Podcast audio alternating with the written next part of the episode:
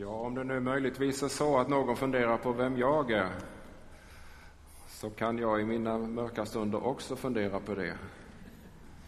Men eh, lite fakta finns ju. Jag ska inte berätta mycket, men jag har arbetat i, i baptistkyrkan under detta året istället för Pelle Bark. Eh, inte alls jobbat så mycket som han, men 25 procent har jag arbetat. Och det har varit mycket positivt, tycker jag för min del, att, att få vara i Linköping och predika och undervisa och be till Gud för människor. Det är min längtan. Idag ska jag predika och vi ska läsa ifrån Lukas evangelium, den föreslagna texten från nionde kapitlet.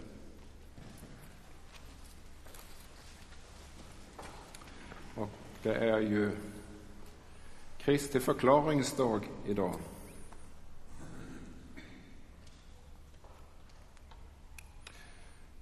Ungefär en vecka senare tog Jesus med sig Petrus, Johannes och Jakob och gick upp på berget för att be. Medan han bad förvandlades hans ansikte och hans kläder blev vita och lysande. Och två män samtalade med honom. Det var Mose och Elia som visade sig i härlighet och de talade om hans uttåg ur världen som han skulle fullborda i Jerusalem.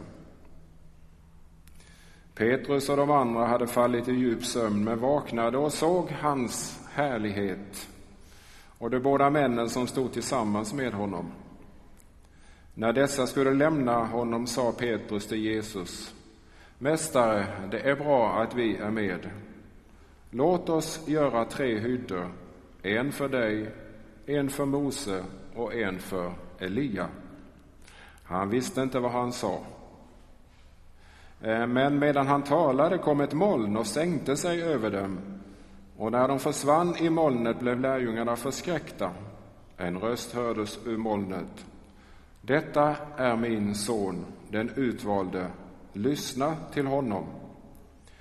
Och när rösten ljöd stod Jesus där ensam. Lärjungarna teg om vad de hade sett och vid den tiden berättade de ingenting för någon. Amen.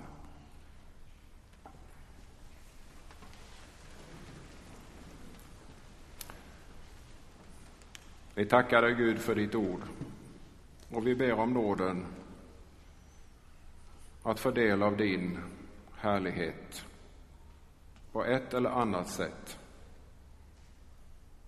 Vi är ofta uppfyllda av vår egen härlighet, men vi ber, visa oss din härlighet så att allt annat får omvärderas utifrån din närvaro, din kraft. Led oss denna stund med din heliga Ande, vi ber. Amen.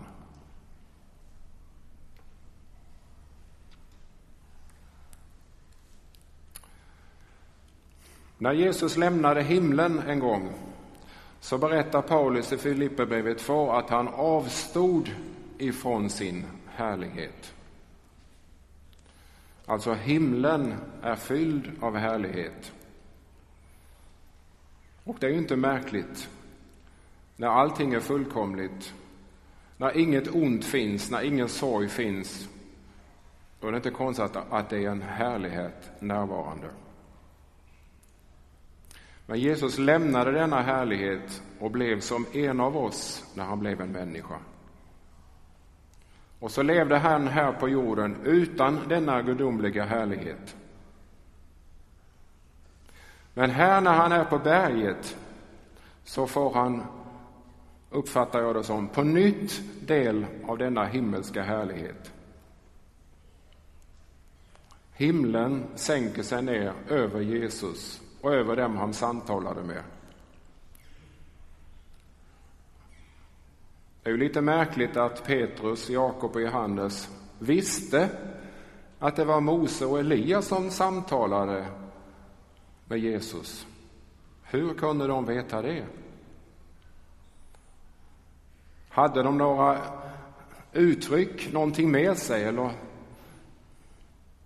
Eller var det helt enkelt så att när Guds och himmelens härlighet kom över dem så fick de också uppleva en annan kunskap. De fick del av Guds kunskap när de var där på berget.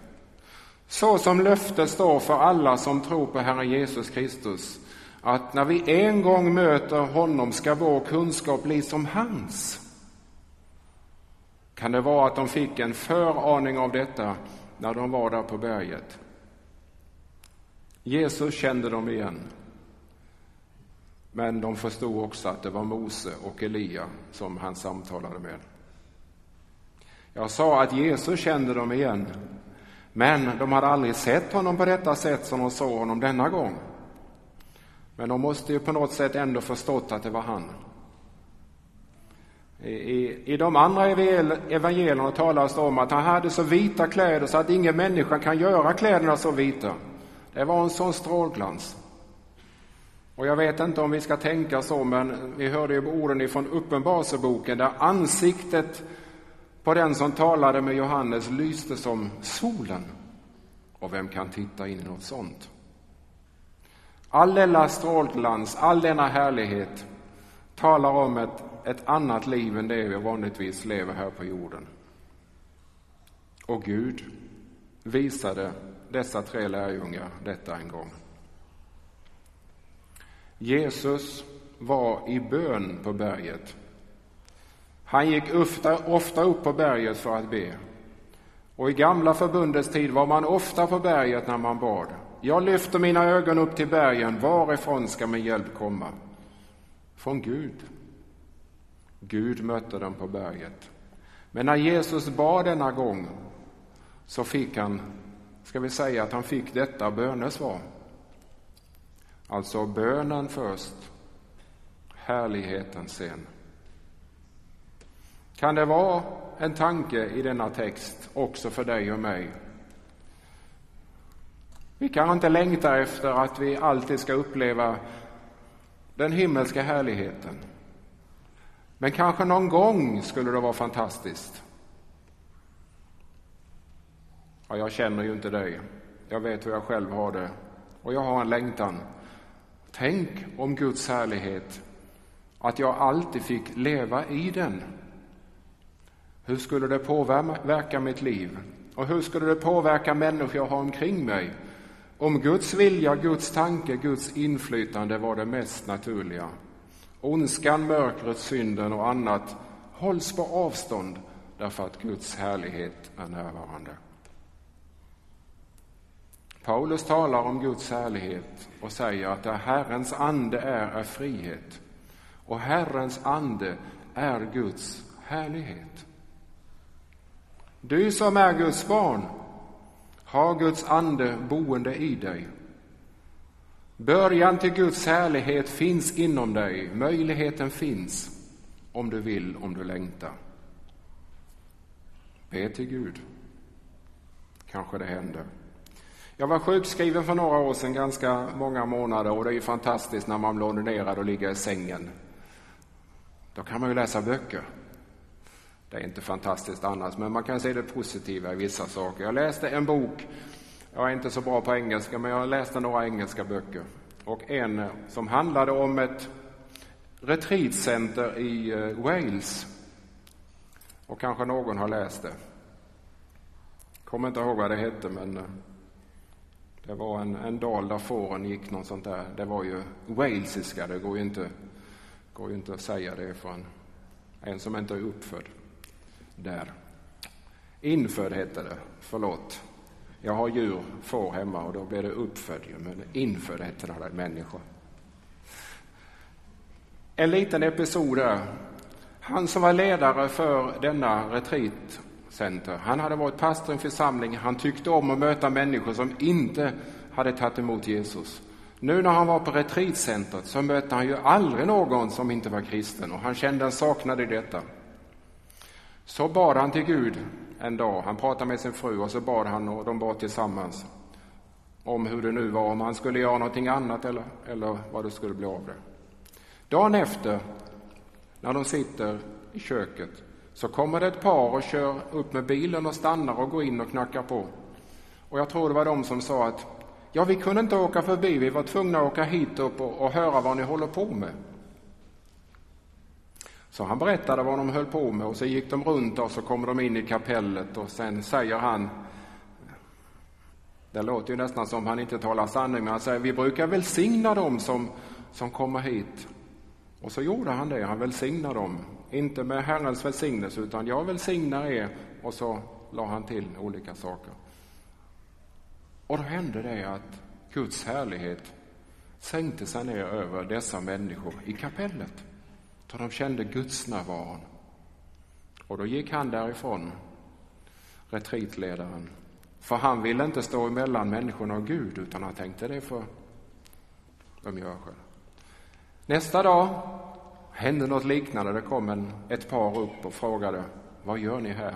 Och samma procedur. Och hur länge det höll på vet jag inte, men sen gick det, hände det vid ett tillfälle att det kom en man och en kvinna och ställde samma fråga. Men mannen, han berättade fräckisar. Så han satt i köket och drog den ena efter den andra och kvinnan hon blev alldeles röd för hon tyckte det var så hemskt. Och så gick man iväg och på rundan och skulle gå bort till kapellet. Men på vägen dit så satt ju de som var på retreat inne och, och han berättade utanför och då tänkte retreatledaren, ska jag tysta ner honom och säga att det inte passar sig? Nej, sa Gud, låt honom vara. Så kom de in i kapellet och innan han hann göra något så faller den här mannen ner på knä och säger, ropar, Åh Gud, du finns ju! Du är en verklighet, kan du ha nåd med mig? Och så upplevde den mannen Guds närvaron.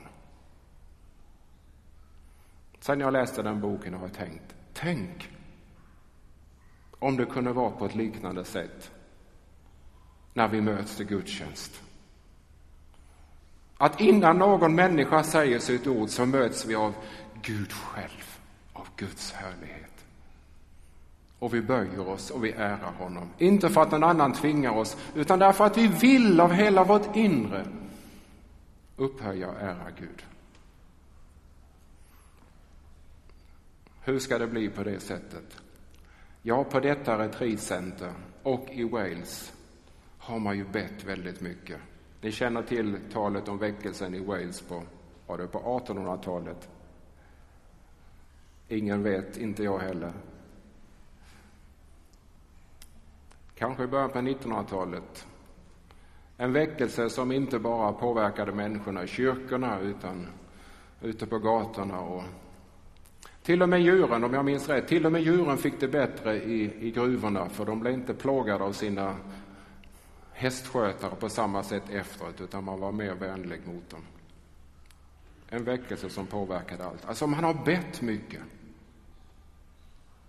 Och är man på ett ställe där man har bett mycket, då är det mycket lättare att be, det kanske du har märkt. Och det är lättare för att Gud får inflytande bland människor. Pröva annars så får du se. Pröva där hemma i ditt hem. Vänd dig vid att när du inte har något annat att göra så be till Gud, be i ditt inre, tacka Jesus.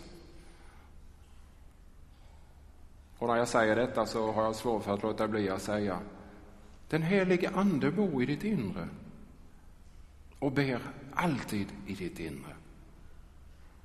Har du tänkt på det? Alltså den dag du tycker att du är för trött så att du inte orkar be, tacka då Gud för att Anden, din hjälpare, ber i ditt inre och har en ständig kontakt med Gud där hemma. Fantastiskt. Låt det få fortsätta, låt dig uppfyllas av detta. Det är inte säkert att Guds härlighet visar sig för dig, men kanske. När Jesus var på berget så fick lärjungarna se. Och Petrus sa några ord. Låt oss bygga hyddor. Ville han vara kvar där? Eller kom han att tänka på lövhyddohögtiden? Och tänkte tillbaka på Israels barn som vandrade genom öknen. Och du hörde läsas här tidigare att under ungefär 40 år så var molnet över tältet, uppenbarelsetältet. Alla dagar och på nätterna var elden där. Guds närvaron. De som var födda i öknen såg ju inte detta som något under. De som var i Egypten och gick ut i öknen kunde ju uppfatta det på det sättet att nu är Herren närvarande, nu är han på vår sida, nu hjälper han oss, nu leder han oss. Men de som var födda i öknen, vilket väldigt många var och blev under tiden, tyckte ju att detta var helt naturligt. Så där olika kan man betrakta det under som Gud gör. Men det som var gemensamt för alla var ju att Herren var nära. Och de hörde vad som sades. De stannade när Herren var där. Och när Herren lyfte, alltså när molnet lyfte, då lyfte folket och så gick man iväg. Vilken ledning och vilken efterföljelse man hade. Nu är lärjungarna på berget och nu ser man Jesus förhärligad. Och hade man haft tvivel om att Jesus verkligen var Guds son fram till den dagen så behövde man inte ha det längre. Petrus skriver om detta i sitt andra brev. När han skriver eh, från sextonde versen i första kapitlet. Det är inte några skickligt hopdiktade sagor jag byggde på när jag förkunnade vår Herre Jesus Kristi makt och hans ankomst, utan jag hade med egna ögon sett hans, honom i hans majestät. Han mottog ära och härlighet från Gud sin fader när en röst kom till honom ur denna majestätiska härlighet. Detta är min älskade son, honom har jag utvalt. Den rösten hörde jag själv komma från himlen när jag var med honom på det heliga berget. Nu kan vi ännu mer lita på profetorden. Det säger Petrus när han har blivit ett antal år äldre, kanske ganska gammal. Men han kom ihåg vad som hände och det påverkade hans liv. Ändå blev han inte så stark i sig själv så han kunde låta bli att förneka Jesus. För detta hände ju innan det att han förnekade. Men det fanns där kvar där ändå. Och det är en annan process som måste ske i Petrus liv för att han ska kunna fortsätta att följa Jesus Kristus. Han måste på något sätt bli av med det gamla för att det nya ska få plats. Men han är övertygad om vem Jesus Kristus är. Och kanske är det väldigt viktigt för oss, vi som inte var med på härlighetens berg. Vi som kanske inte har erfarit denna härlighet på, något sätt. Jesus säger ju vid ett annat tillfälle, saliga är de som inte ser och ändå tror. Alltså möjligheten finns för oss som inte var med på berget att leva i samma tro och samma övertygelse som de som var med på berget.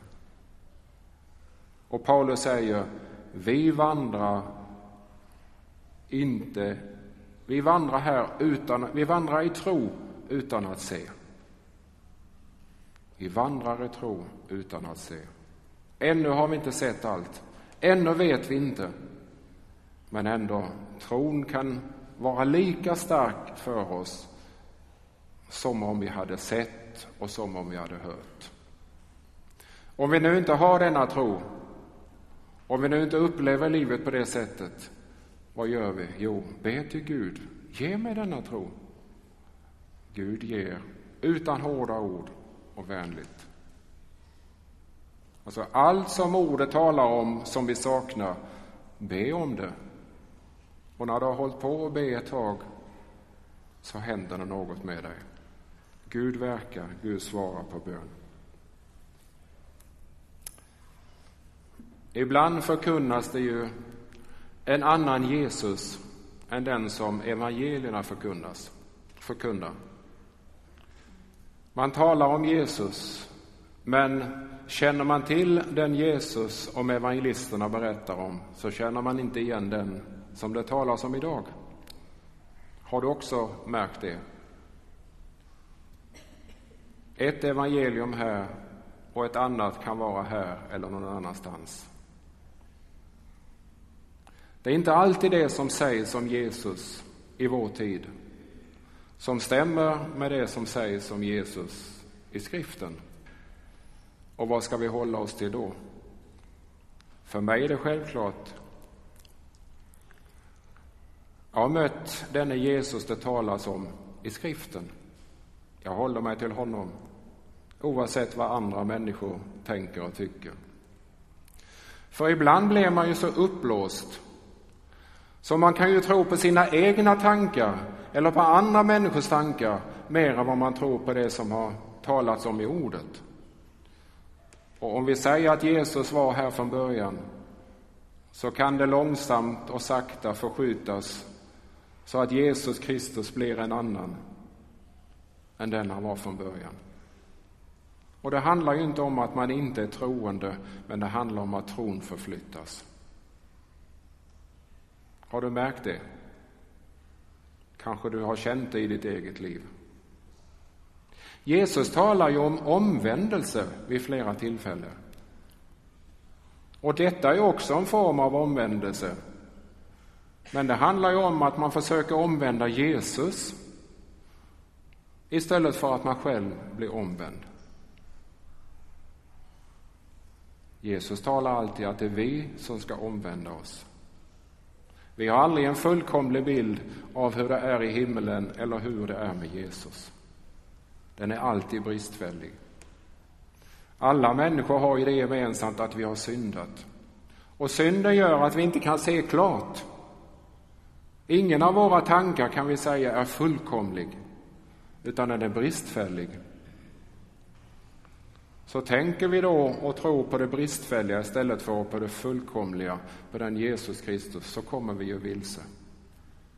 Paulus är otroligt skarp när han talar om detta till Galaterna, du kan läsa om det i första kapitlet. Om det kommer någon som förkunnar ett annat evangelium än det jag har förkunnat, förbannelse över honom, säger han. Hur kunde han vara så övertygad? Jo, han hade ju mött Jesus. Han hade fått del av Anden. Han var övertygad. Du och jag kan leva lika övertygade, lika nära Jesus. Jesus visade sig i sin härlighet.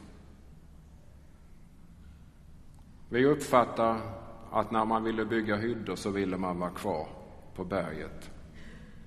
Men det var ingen som fick stanna kvar på berget utan man skulle gå ner till vardagen igen. Så var det. Den där härligheten kanske är tillfällig här på jorden, men den finns. Sök dig nära Gud, bed om hans närvaro, bed om hans härlighet i ditt liv och över de människor du möter.